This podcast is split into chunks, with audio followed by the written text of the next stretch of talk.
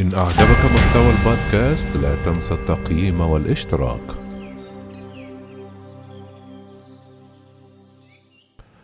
الإدارة الأمريكية ترسل رسائل خاطئة إلى النظام الإيراني.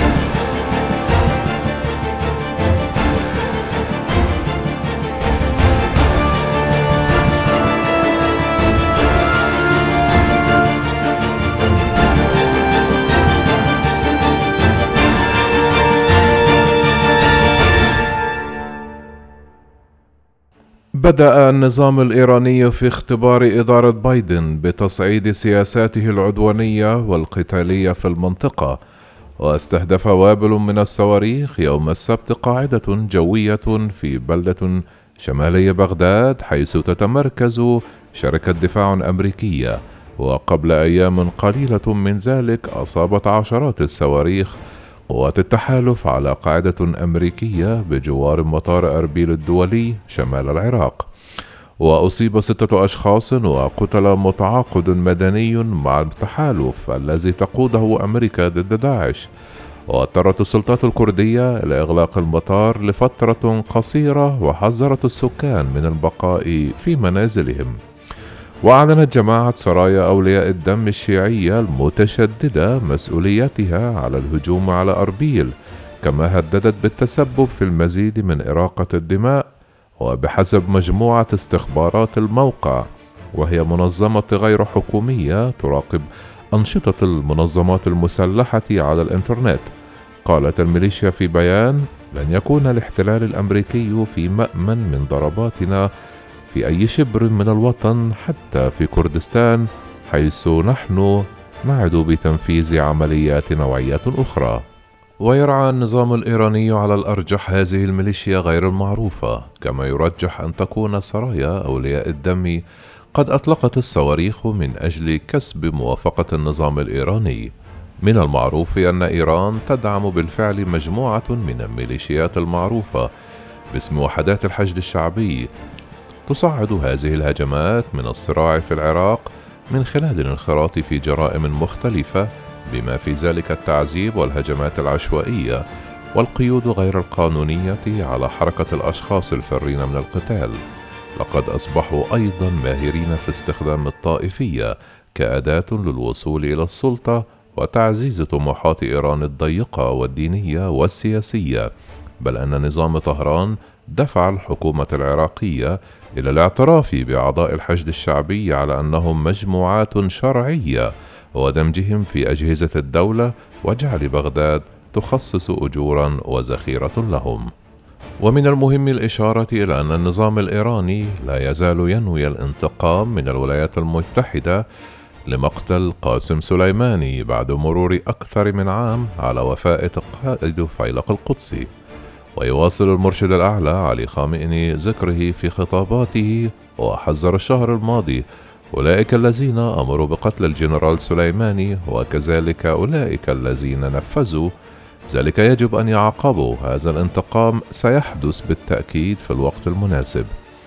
إن الانتقام لمقتل سليماني أمر بالغ الأهمية للنظام ويرجع ذلك جزئيا إلى أن طهران لم تواجه مثل هذا الإذلال الكبير في حكمها الذي دام أربع عقود.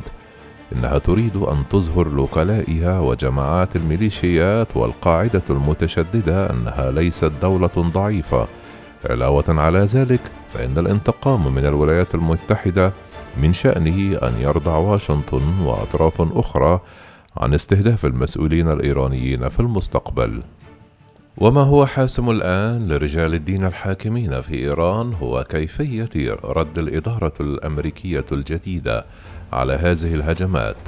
لسوء الحظ لم تتخذ إدارة بايدن موقفا حازما ما فحسب، بل أعلنت الأسبوع الماضي أنها لن تتابع جهود الإدارة السابقة لإعادة فرض عقوبات الأمم المتحدة على النظام الإيراني.